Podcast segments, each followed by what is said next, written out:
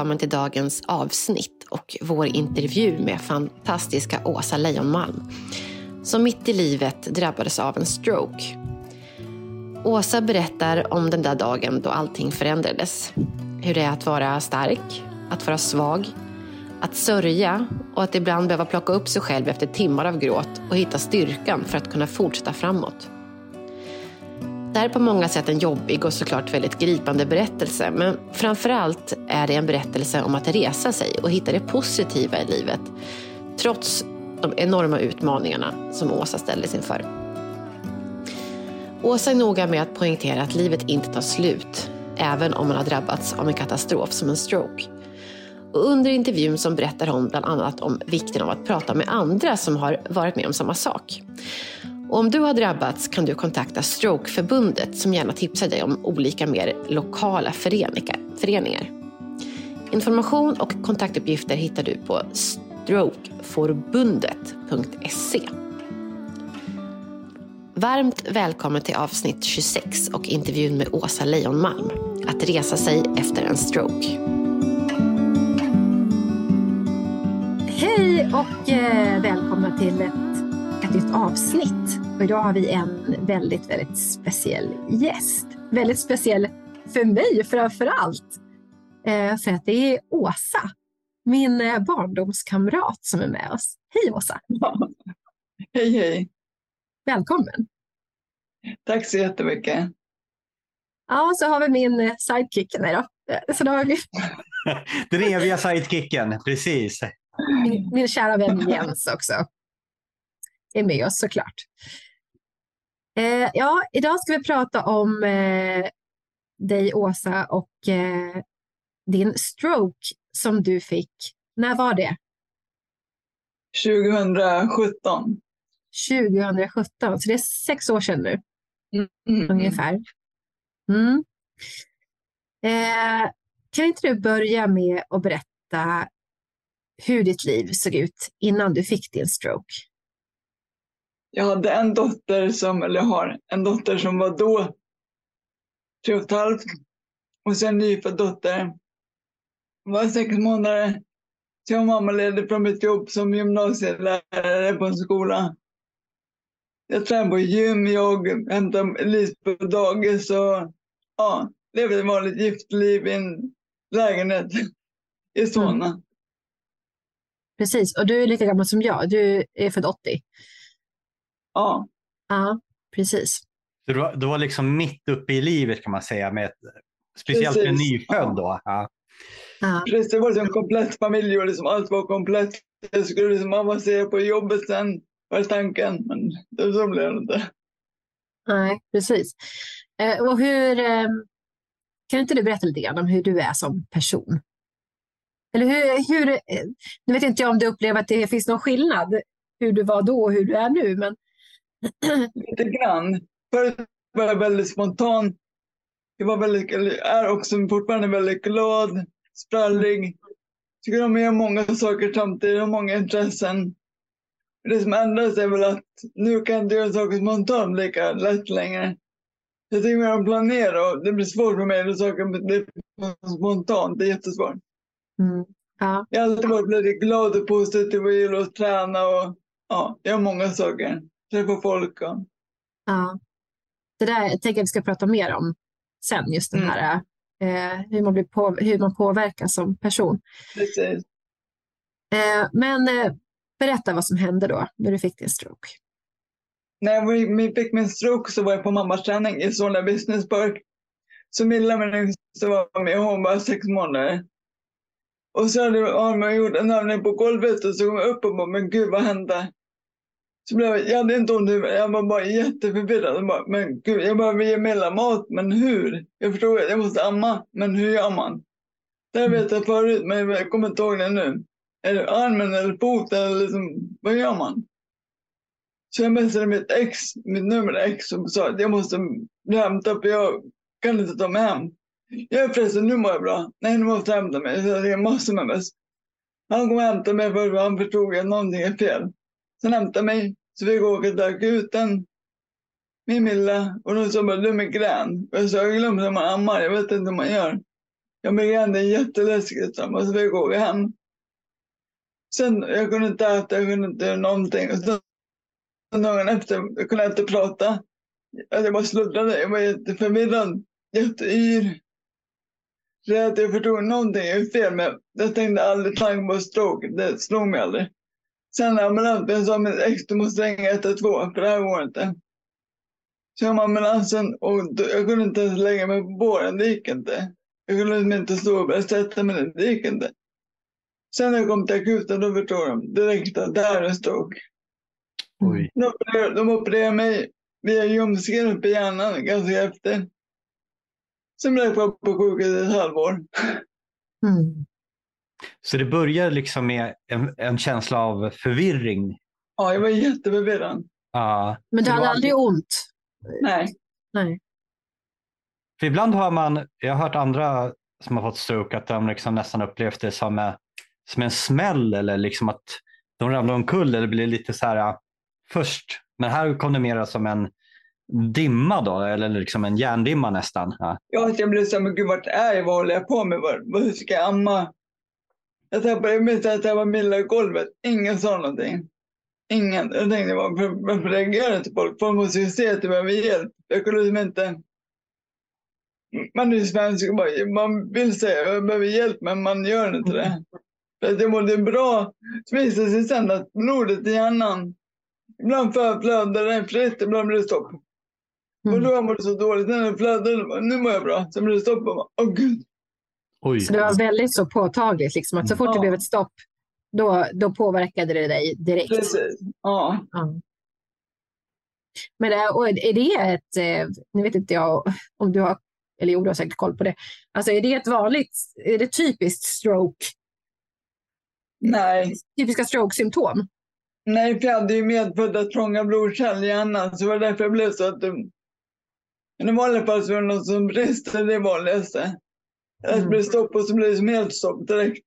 Just Det det. blir som flöda och stopp, flöda och stopp. Mm. Det var väldigt tydligt som när jag mådde dåligt. Jag har, jag har sett sms som jag skickade. Mm. Jag skickade ibland tomma sms, det var då jag mådde jättedåligt. Då var ah, nu mår jag bra. Ja. Skickade jag, nej men nu är det okej. Så man, nej men nu mår jag jättedåligt. Kommer, kommer du ihåg, eh, förlåt Jens, nu avbröt jag dig. Ingen Första kvarn. Nej, jag tänkte om du hade några förvarningar liksom innan eller Nej. det var liksom Nej. ingenting under hela livet och sen där kom det liksom. Ja. Mm. Är det ärftligt det här eller är det? Nej, det var, det var en missbildning. Typ. Ja. Okej. Ja, men du opererades sa du. Eh, Ja. Var det så att du låg liksom nersövd någon längre tid efteråt eller? Ja, nu ska jag berätta något väldigt hemskt tycker jag själv. För att när jag fick, själv fick reda på det så blev jag jätteledsen. För att när de opererade mig så man går upp igen med ljumsken så stoppar de blöd, när de stoppar proppen. Då blev det blödningar. Och sen när de skulle väcka mig så var jag jättedålig. Så de satte ner mig igen och ringde mina föräldrar och min, Erik, min, äh, mitt ex och mina barn och sa ni får nog komma och säga hejdå för det här går nog inte.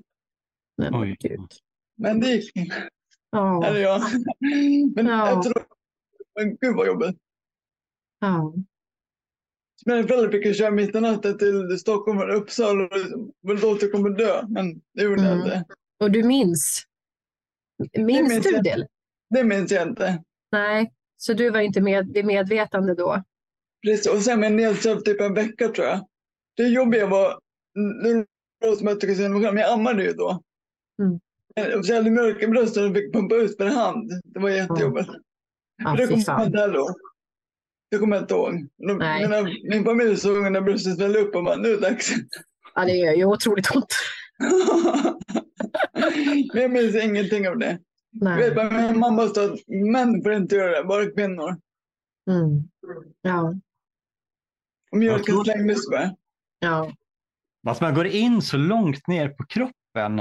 Eh, alltså, ljumsken och huvudet sitter ganska långt ifrån varandra. Ja. ja, varför gör man det? Är det någon som vet det? Nej. Då gick jag via ljumsken och liksom stoppade in en stent som i hjärnan nu som liksom vidgar blodkärlen. Ja. Jag vet- minns att de sa att när det kommer till bröstet kommer det må jätteilla. Mhm. Du kommer inte spy för du kommer vara nedsövd, men du kommer känna, kropp, kropp, kroppen kommer känna att du mår illa, men ingen kommer hända. Ja, okej. Så det är inte heller något jag minns något. Nej. Ja. Men sen då när... Förlåt, förlåt, jag måste bara. Jag minns att när jag rörde sig operation, jag var ju livrädd. Jag vill inte opereras, jag vill inte opereras. Nej. Då sa de att det är farligare att inte göra det än att göra det. Vem ska vi ringa? Och jag bara rabblade med något telefonnummer. Ingen aning vad jag sa för det var ett, två. Jag tog ett telefonnummer, men ni får kolla med mobilen, vet du. Nej. Ja, för du ville... Men vad- vad, tänkte du att... Eller vad, varför ville du inte opereras? Jag var så rädd bara. Att du, att du skulle liksom, att du skulle dö då eller? Var du rädd för Ja, det var så många människor. Det var bara Ja. två människor där. Okej, men nu var det så många människor. Jag bara, det här är farligt. Vet jag. Det var väldigt allvarligt. Ja. Mm. Men det var i alla fall en av Karolinskas, eller Sveriges bästa neurologer som gjorde det. Det var bara bra.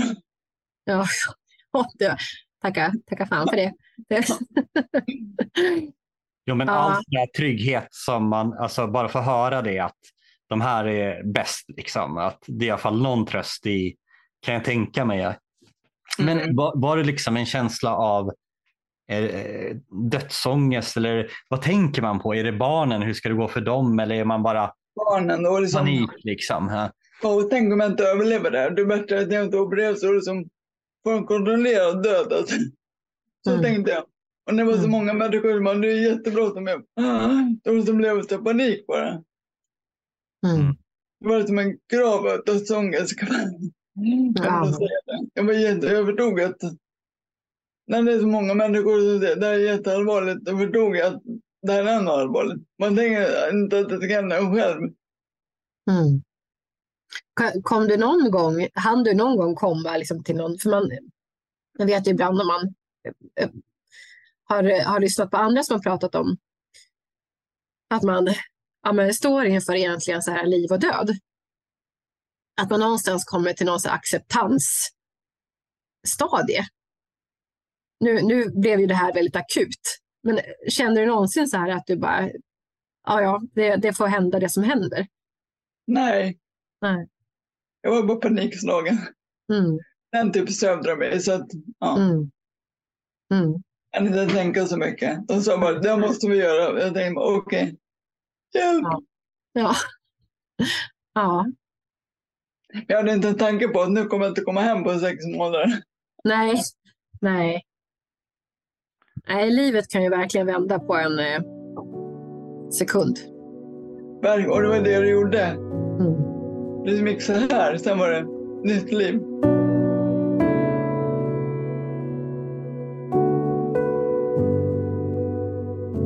Hur var de här sex månaderna på eh, sjukhuset? Var det liksom eh, flera gånger som du behövde bli nedsövd eller var du väldigt, eh, vad ska man säga,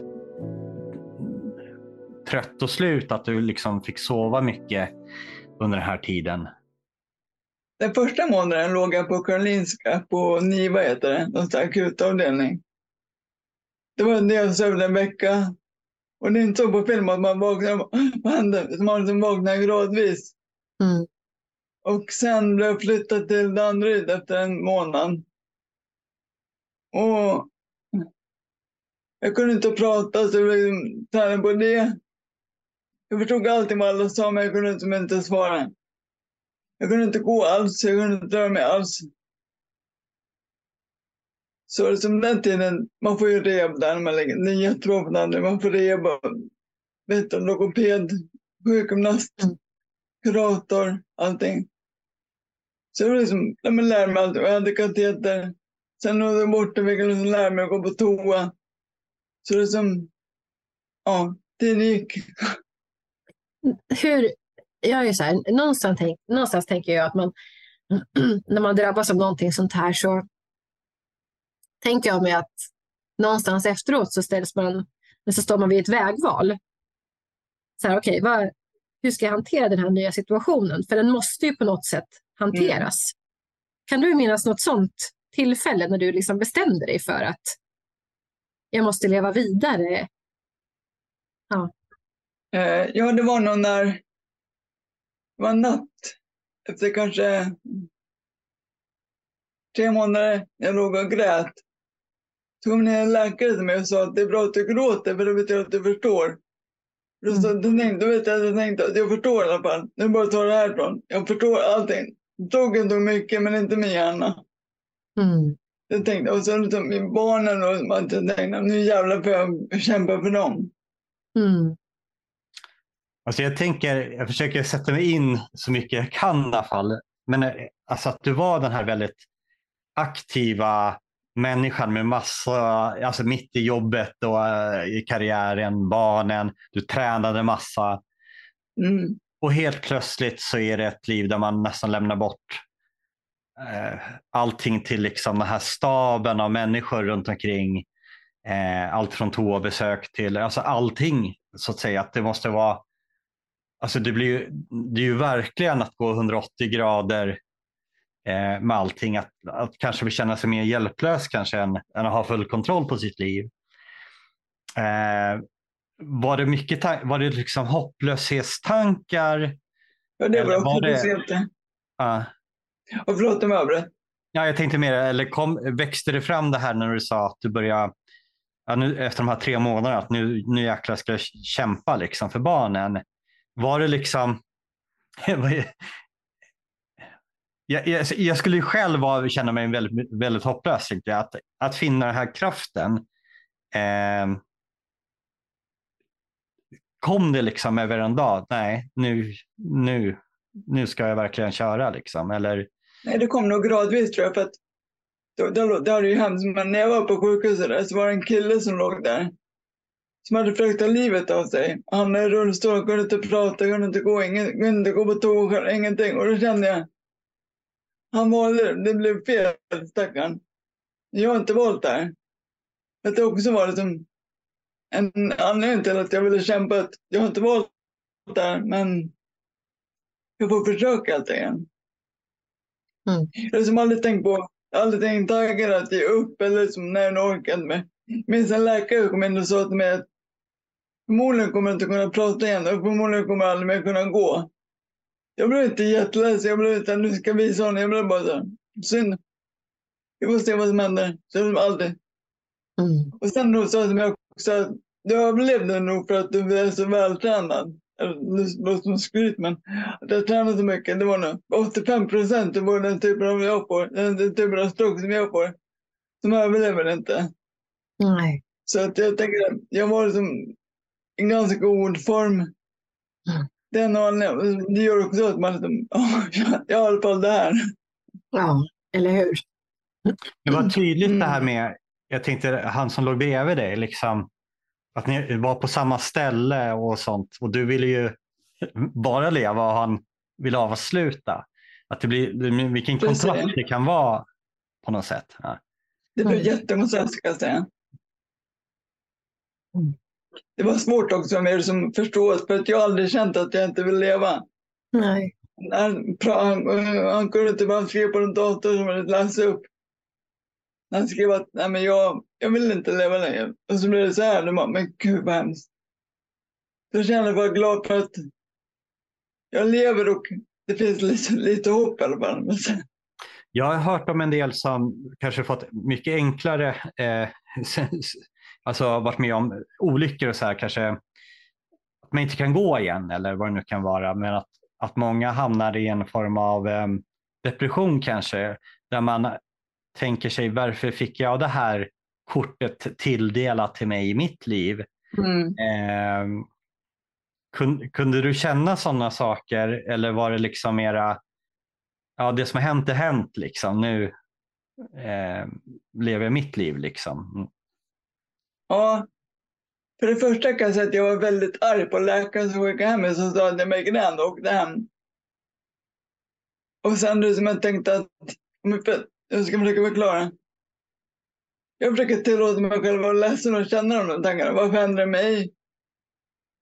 Och sen liksom, men sen får det vara bra. Sen, nu har jag varit ledsen och nu är det så här. Det här är mitt liv nu, tyvärr. På gott och ont.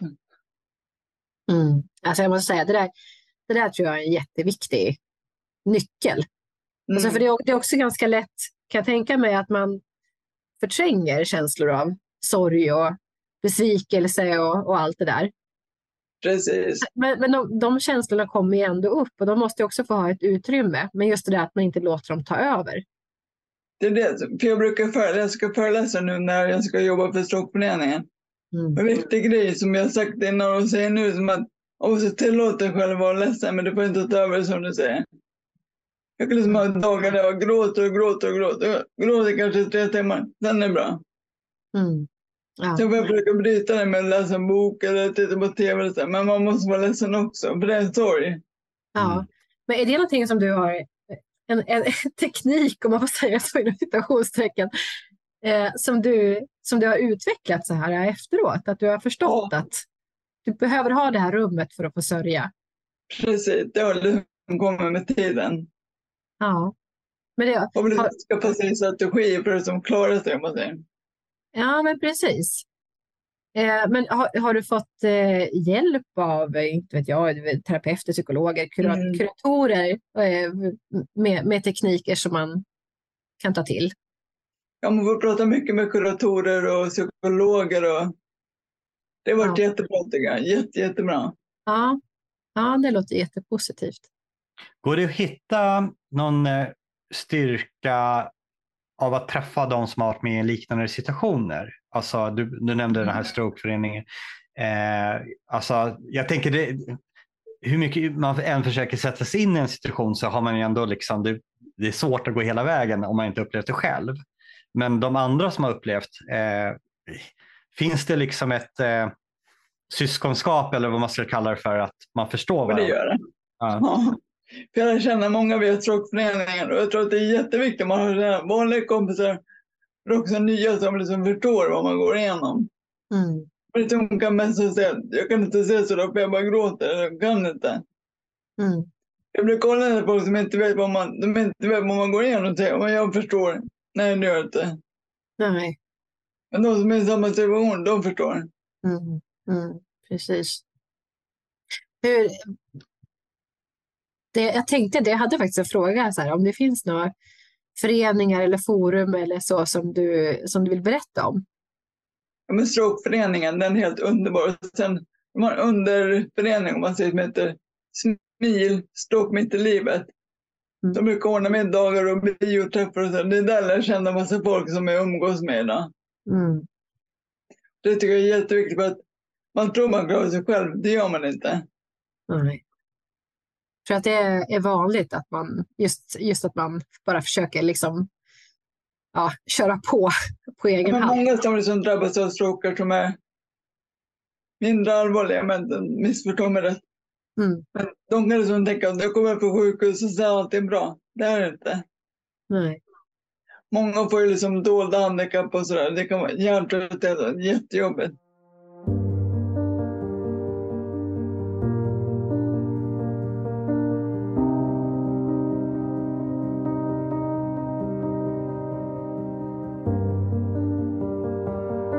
Men du, berätta hur, hur eh, din, din utvecklingskurva efter att du fick din stroke. För att Ja, jag, jag har ju liksom följt dig lite på sidan så här, för du är ju väldigt öppen på Facebook och berättar om ditt liv. mm. Eh, och jag slås ju alltid av hur... Eh, dels är du otroligt positiv, stark, rolig. Alltså det känns som att det är mycket humor i ditt liv. Som jag tycker är helt underbar. Dina barn delar ju med dig mycket av. De verkar ju vara världens härligaste människor. de är så underbara. väldigt roliga. Eh, och, eh, men också så delar du med dig väldigt mycket av motgångar. För de dyker Mm. upp eh, med jämna mellanrum känns det som. Och det tycker jag också är Ja, så fantastiskt fint. Eh, men, men berätta, för du har ju verkligen, det, det känns ju när man har följt dig som att du har, har gått från den här läkaren som, ja, nu var det kanske en då som kom in och sa att du inte skulle kunna prata och inte skulle kunna gå. Och Jag menar, där är du ju verkligen inte idag. Så Precis. Går du att sammanfatta din resa men- fram till idag? Ja, just när han sa sådär till mig. Som sagt, jag tänkte aldrig att nu ska jag visa jag har fel. Men, nu ska vi liksom gå och åka till sjukhus och bara hej hej. Ja, Det exakt. Jag gör det. Men jag minns när jag var sjuk och nästan som tog min krycka eller min käpp och sa gå. Jag bara, det kan jag inte göra. Han bara, jo men gå, du kan. Jag tror på dig. Jag kan inte gå så finns jag, då tar jag emot dig. Och så kunde jag gå, jag bara wow! Och då kändes en gnista tändes mig. Jag klarar det här, det går. Mm. Och sen, jag åkte, med, jag åkte rullstol i början. Så får jag botox i handen, och, armen och benet för att man slappna av mer. Då läkaren fick botox och hon sa, varför har du inte rullator? Du kan ju gå. Jag bara, "Eh, kan jag verkligen det? Du ska ha rullator, från mig. Okej. Jag älskar, det. jag älskar det. Fick jag till mig gymnasiet och jag har rullator. Det kommer bli jättejobbigt, det kommer inte gå. Ja, men, Vera sa det, läkaren. Hon sa det. Okej. Okay. Så fick hon en film och visa att det går om man vill. Om man vill. jag kan inte, men ofta går det bättre än vad man tror. Då tänker jag också, men yes. Minns jag när jag kunde säga hej mamma och jag kunde säga Elise och Milla med de arterna. Men jag bara, men gud, det här går ju. Och sen gnista så bara, nu ska jag försöka lite mer. Och så, när man är så pass ung som vi är, då får man ganska mycket hjälp. Då får man ganska mycket hjälp från landstinget. Man blir så uppfångad av olika rehabställen och sådär. Då tycker jag ändå det är värt att lägga lite Mm. resurser på oss. Ja, det är positivt. Mm. Men behövde hjärnan liksom hitta eh, nya nervsignaler nästan till benen och sånt där? Eh, Lite grann. Jag är fortfarande förlam- förlamad men jag kan gå. Ut med krycka måste jag men jag kan gå Alltså, i alla fall. mm. Att det, det är så jäkla coolt. Det, det, här, det här är en av de sådana här ämnen som, som jag och Jens liksom totalt går igång på. Eh, det här liksom kapaciteten som finns hos människan. Alltså man kan så otroligt mycket mer. Alltså vi kan väl bara snabbt nämna den här kraken som de upptäckte i USA eller vad det var. Som, eh, Ja, Frankrike? Ja, det är i just Frankrike, ja. Ja, okej. mm. Ja, nej, men han, eh, det var ju en karl som skulle in på någon slags rutinundersökning bara och så upptäckte de att han hade bara 10 procent av sin hjärna eller något sånt där. Oj. Och han Mm. funkade helt normalt. Eller liksom relativt normalt i vardagen. Han hade ju ett jobb och så här, ja, gick och handlade och du vet allt sånt där. Eh, och det, den där grejen har liksom vänt eh, eller slagit omkull allt man tidigare trodde om hjärnan och hur, liksom, vart saker och ting händer i hjärnan. Så det är ju ja, fantastiskt tycker jag att höra. Jättekul. Och sen, för att i början, eller i början, typ på 20-30-talet när man fick en stroke, det var liksom, då var det kört. Det var bara, Ja, har det inte hänt någonting på ett år, då kommer det inte hända någonting mer. Men nu Nej. vet man att det gör det ju. ja och det är som att det finns, det finns just så mycket mindre begränsningar än vad man har trott, som du säger. Precis. Det Och känns, nästan, det- känns jag nästan som att det bara är en, en, ens egna liksom, ens egen viljekraft och begränsning Precis. själv som sätter villkoren. Ja, så har det varit lite för mig. För att det var någon som sa du borde kunna handla själv. Jag bara, nej men gud det går inte. Så kommer kompisen till mig, kom nu kom och handla. Du ska ha rullator och så vi ner och handlar. Mm. Så gjorde vi, men gud det går ju. Jag kan ju. Ja, Så gick det jättebra. ja. Och då är det liksom som att okej, jag kan hoppa över den här höjden på hindret. Då vet jag det. Precis. Ja. Värsta var ju ett, man måste lära lära sig sätta små mål, inte jättesmå mål, utan små också. Mm. Sen mål jag hade var att en dag ska åka rutschkana med mina barn. Var på Leos lekland. Jag lyckades ta mig upp på rutschkana. Jag bara, men gud, jättebrant. Barn bara, vi vågar inte klättra igen. Jag bara, "Nej, men jag vågar. Jag vågar. ja, men det där, är nog- det där är nog ganska bra... Eh, alltså att sätta små mål tror jag det, det gäller för oss alla på något sätt faktiskt. Mm. Men det så. inte ska bli för besviken. Jag måste ju fråga dig här. Eh, har du haft, det här är en stor fråga kanske, men har du haft en, eh, vad ska man säga, någon form av eh, religiös eh, tro eller andlig eh, någonting? Eller ha, jag tänkte mest om det har ändrats det här fr- från före och efter. Att du haft liksom tankar som är större, ödet, eh, Gud eller vad det nu kan vara.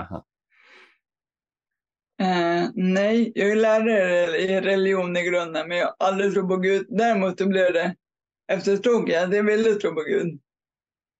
Men jag kan inte efter det här. Mm. För det är så många, eller många, det är nog hemtjänsten man kommer hem till mig. Jag har inte hemtjänst längre, men jag hade som sa att det här var Guds vilja. Bara. Guds vilja, det tror jag inte. Ja, det, Så det, det, det, är integritets... Alltså, det är lite kränkande nästan. Mm. Faktiskt. Ja. Så jag, jag har verkligen försökt att tro på Gud, men det går inte riktigt. Men eh, mediterar du eller? Jag är inställd på yoga. Yogar du eller gör någon sån här, du vet, eh, mer eh, mindfulness eller andliga? Jag försöker med mindfulness. Ja.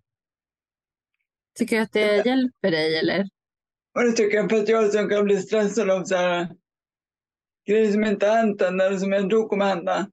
Jag måste träna på att vara i nuet istället för om tre år. Uh, jag blir så här.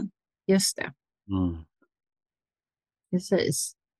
Alltså det för oss ju lite grann in på det här ämnet som vi pratade om tidigare. Hur, hur, hur du var innan och hur du är nu och hur, hur du har förändrat dig som, som person. Ja. Det som folk har sagt till mig att det är så skönt att du är samma person som innan.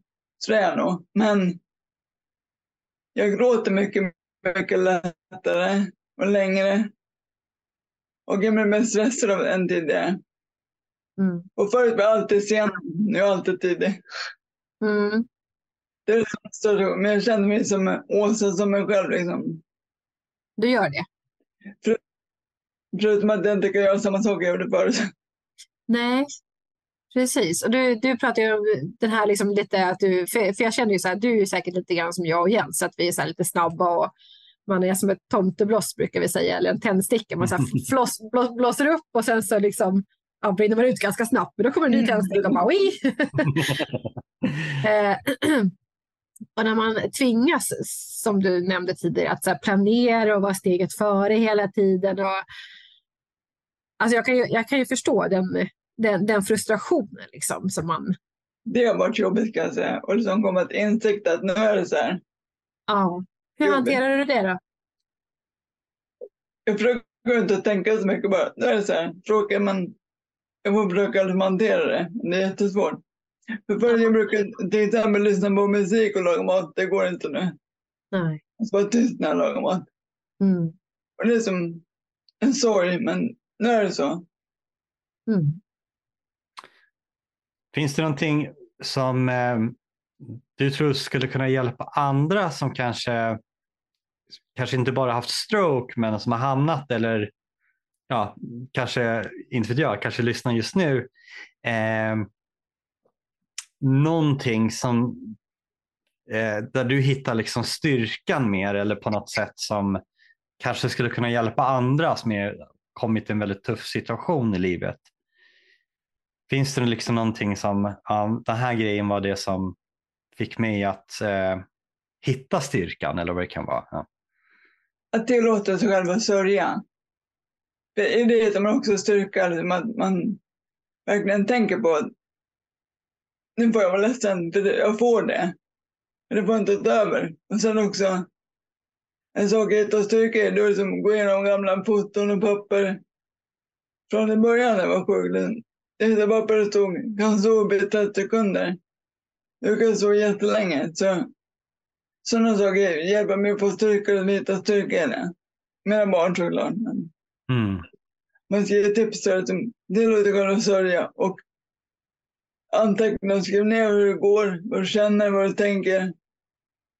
Gå tillbaka senare när du är ledsen eller Mm. Ah, så att man kanske hittar styrkan i sina egna, när man kanske mådde bättre eller att man ser att det finns Precis. upp och ner. Men att Ja. okej, det är här nere men då kanske jag Och kan... att det får vara så. Mm. Mm.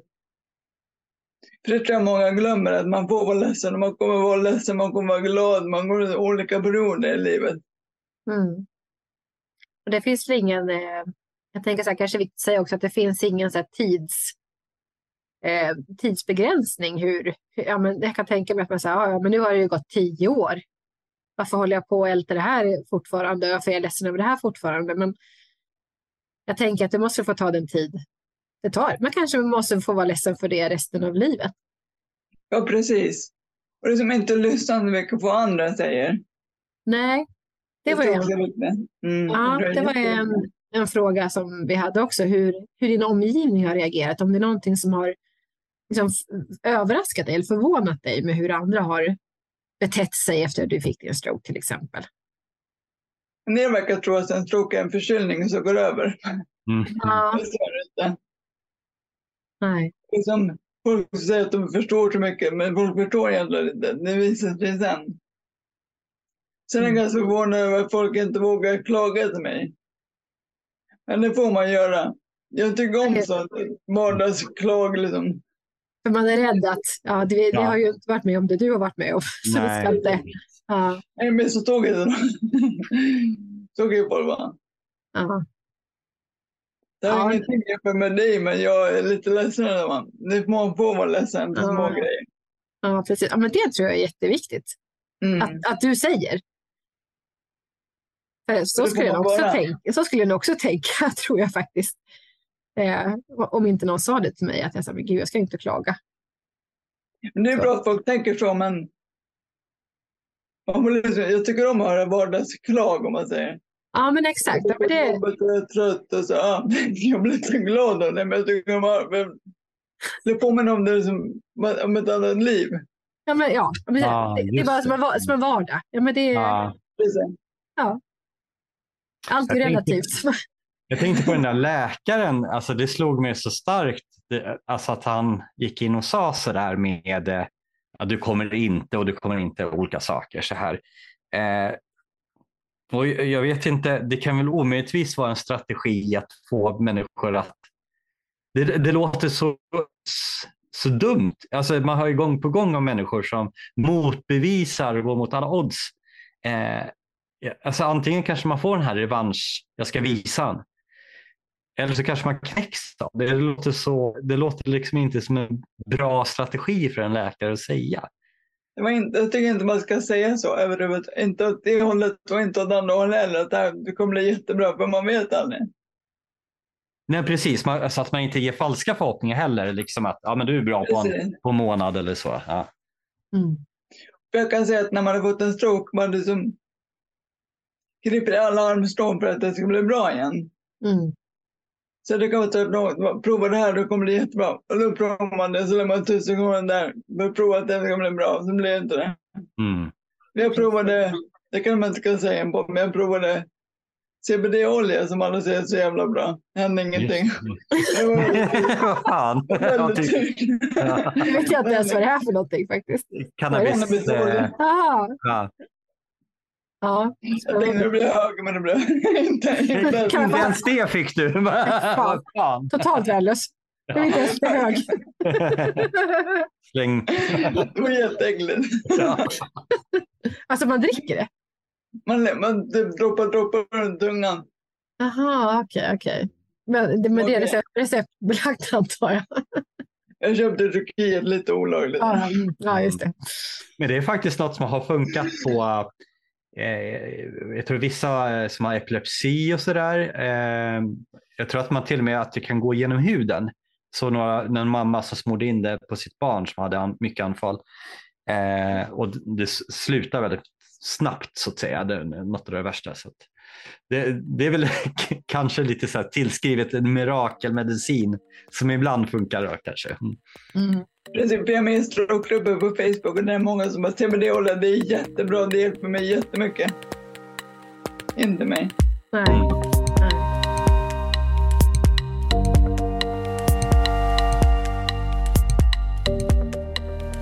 Hur ser du din vardag nu? Sätter du upp eh, liksom nya mål för dig själv? Att, eh, att någonting du övar på, ett projekt med dig själv eller någonting? Eller försöker du mer vara liksom i vardagen och att det får vara liksom lite grann? Eller hur bollar du de här olika vardagen och vart du vill komma någonstans? Jag sätter upp olika mål. Som nu, ett mål är snart avklarat. Alltså jag mål att börja arbetsträna. Nu arbetstränar jag på måndag. Det kan vara, sen kan det vara så enkla saker som jag ska kunna vattna blommorna, så kunde jag det. Ja, Man måste också, tror jag att det är bra att få hjälp att sätta upp mål, för det är ganska svårt. Mm. Det stora målet som har barn i varannan vecka, där är jag inte än. Men, men är du en sån Man person som, ja, men är du en sån person liksom, i grunden som sätter lite för ambitiösa mål? Eller? Så att du behöver bli liksom lite... Ja. hållas Ja, det är tillbaka. så. Ja. Mm. Ja ja, men det är lätt också kan, jag- kan jag tänka mig. det, Om man, om man liksom har lite, lite flyt kanske. Man, så här, man, man kommer framåt, man blir lite överraskad själv kanske över att man kan saker. Då vill man liksom bara mer och mer och mer och mer. Precis. Jag vet i början, eller typ efter ett halvår, ett år, så hade du jättemycket detta. Jag kunde gå på toa själv, lära mig att gå. Allt möjligt. Och så började jag träna. Jag bara, "Gud, mer och mer. Nu gör man mer och mer hela tiden. De fick ju säga till mig att nu är det för mycket. Mm. Nu, ja, nu lugnar du ner dig. jag kunde inte träna varje dag, för det blev inte bättre. Ja. Det tar det. Ja, ja. ja och då var ju du, eh, alltså, om du är en sån person i grunden också som ändå, Mm. Ja, med träningsbakgrunden och så här, att det kanske blir en liten seger. Man känner att ja, men nu kunde jag det här också. Liksom. Precis, ja men så är det. Ja. Men sen har det som också varit mycket motgång. Jag hade ju, vad heter det? Njursten två gånger. Ja. Jag blev opererad och fy fan vad jobbigt. Njurkateter och det så jag ramlade på huvudet, slog i tänderna. Ja, jätteont gör det. Det gjorde så ont, jag kräktes. Ja, fy fan. Och då hade det så ont så alla mina funktioner slogs ut. Jag kunde inte prata, jag kunde inte gå, ingenting. Fick liksom börja om, men sen kom det tillbaka ganska fort. Men det var jättejobbigt. Jag bara, nej, nu måste jag börja om. Mm. Ja. Det var ett jobb. Och sen, jag ramlade i november när jag skulle flytta och bröt knäskålen. Ja, men, aj. Ja. Fick lägga ner. ja, men alltså det, ja. Som sagt, jag som, jag som följer dig sådär, eller ser, ser lite grann vad som händer i ditt liv på, på sociala medier. Jag tänker alltid så här, men hur, hur fan, Alltså, jag, jag, jag, kan tänka, jag kan tänka mig att du kanske råkar ut för lite av de här sakerna just för att du är liksom, du pressar Ja, gränserna Mm. för vad du klarar av. det är det jag gör tyvärr. Jag tänker det här går bra, men det gör det Ja, inte. men det är så här, ja, det, det kanske är som krävs också för att man ska fortsätta utvecklas. Men så blir det de här set, setbacksen där, där någonting liksom går lite snett och får Mm. ganska stora, kan få ganska stora konsekvenser. Precis. Och hur, jag tänker så här, men gud, hur, hur fan, du, du, du måste ju ha tränat upp världens eh, starkaste psyke eller eh, som sagt väldigt bra strategier för att just klara av att resa dig igen efter de här eh, fallen tillbaka. Jo, men dels tror jag att man måste ha strategier. Ja, Och sen gäller det faktiskt att inte tänka så mycket. nej. Johannes frågade mig en gång, för jag tränade väldigt mycket på gym för innan stroken. Och nu tränar jag också mycket om man måste vara hemskt så liksom. Förr kanske du kunde klara 30 kilo i benpressen. Nu klarar du 10. Hur känner du som en skillnad? Mm. Eller tänk på det. Bara så, nu klarar jag det här. Nu, jag Ja. vill utgå från nu liksom. Så gäller det inte att överanalysera så. Det är lätt Nej. att säga. Jättelätt att säga men svårt att tillämpa. Men det är så jag försöker göra. Inte Ja. tänka. Alltså, ja, precis. Och så, eh, jag försöker också öva på det där, att liksom ta, ta tillvara på de positiva upplevelserna och liksom inte fokusera på det negativa utan det positiva. Det kan vara li, hur litet som helst, men ändå positivt. Upplever du? För, för jag kan ju känna så här att, det är en, att det är en övningssak. I början så måste man aktivt liksom tänka på det hela tiden och trycka bort, alltså så att byta fokus från det negativa och vända det till något positivt. Men sen efter ett tag så, så sker det här automatiskt. Upplever du är det likadant? Ja, men det gör jag. För att i början så var det väldigt mycket så här, fokus på vad jag inte kan. Mm. Tills jag kom på, men vänta, jag måste fokusera på vad jag kan. Mhm. Mm.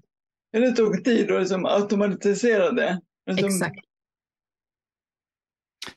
Har, du, har du hittat eh, vad ska man säga, nya eh, intressen eller någonting som eh, alltså under de här åren nu, alltså att du kanske börja läsa massor med fantastiska författare eller liksom upptäcker du har hittat tid för något eller är det liksom vardagen som kämpar sig igenom? Liksom? Ja. Jag hittade ett nytt intresse i att brodera. Det tycker jag är skönt. Ah, okej. Jag Ja. brukade sticka och virka för men det kan jag inte längre. För jag är förlamad så det går inte. Mm. Alltså lägga pussel. Det är Det är på många som gör men det kan inte jag. Jag har inte ro i kroppen med det. Jag kan bli helt Samma här. ja, Då får man... Nej. där går min gräns. Jag blir så trött i huvudet. Ja, men sen imorgon bara kommer man och lägger upp bussen. bara, Fan. Alltså. Och de bara, det passar. Nej. druckit dit den. Ja. Det är bara att blondera. Men ja, men ett nytt intresse, det är lite på poddar faktiskt. Ah, men du har varit i podd förut också? Alltså, blivit, Ja. ja. Du har blivit en, eh, ett, ett, eh, en, en liten superstar här med, med att resa sig upp och hela den här resan. Ja, Men finns det någon stroke-podd? nej det gör inte det. Men jag önskar du gjorde det. Det, det, jag vet en som kan starta en. Jag vet en som kan starta en. Gör det. Hon heter Åsa. Hon heter Åsa. jag tror att det är Sara. Nej. Nej, lätt. Det tycker jag du ska göra. Men det känns som att det är så viktigt att, att som du sa, liksom det här um, att hitta andra i, i någorlunda lika situationer ibland. Ett, jag förstår ju att jag inte förstår det många är med om. Även om man försöker med hela sitt sinne så här att sprida. För jag har hört också att det finns en hel del fördomar med eh, eh, bland annat strokepatienter med hur man behandlas i vardagen. Uh, när talet är inte är 100 procent och eh, vissa kanske tror att allt från att ja, men, det här är en berusad person eller att, det, att man kanske möts av väldigt mycket innan någon förstår liksom, att sprida en kunskap. Har du också känt av att, eller är människor väldigt bra överlag på att, inte vet jag, vara hjälpsamma och räcka ut en hand när det behövs? De flesta är ganska bra på det. Men det finns också fördomar. Gör det. Jag får ta på sjukhuset. Var det taget? Uh, ingenting. Jag pratar så här. Mm. Plus eh, hon är döv och jättebra på att prata, läsa på läpparna.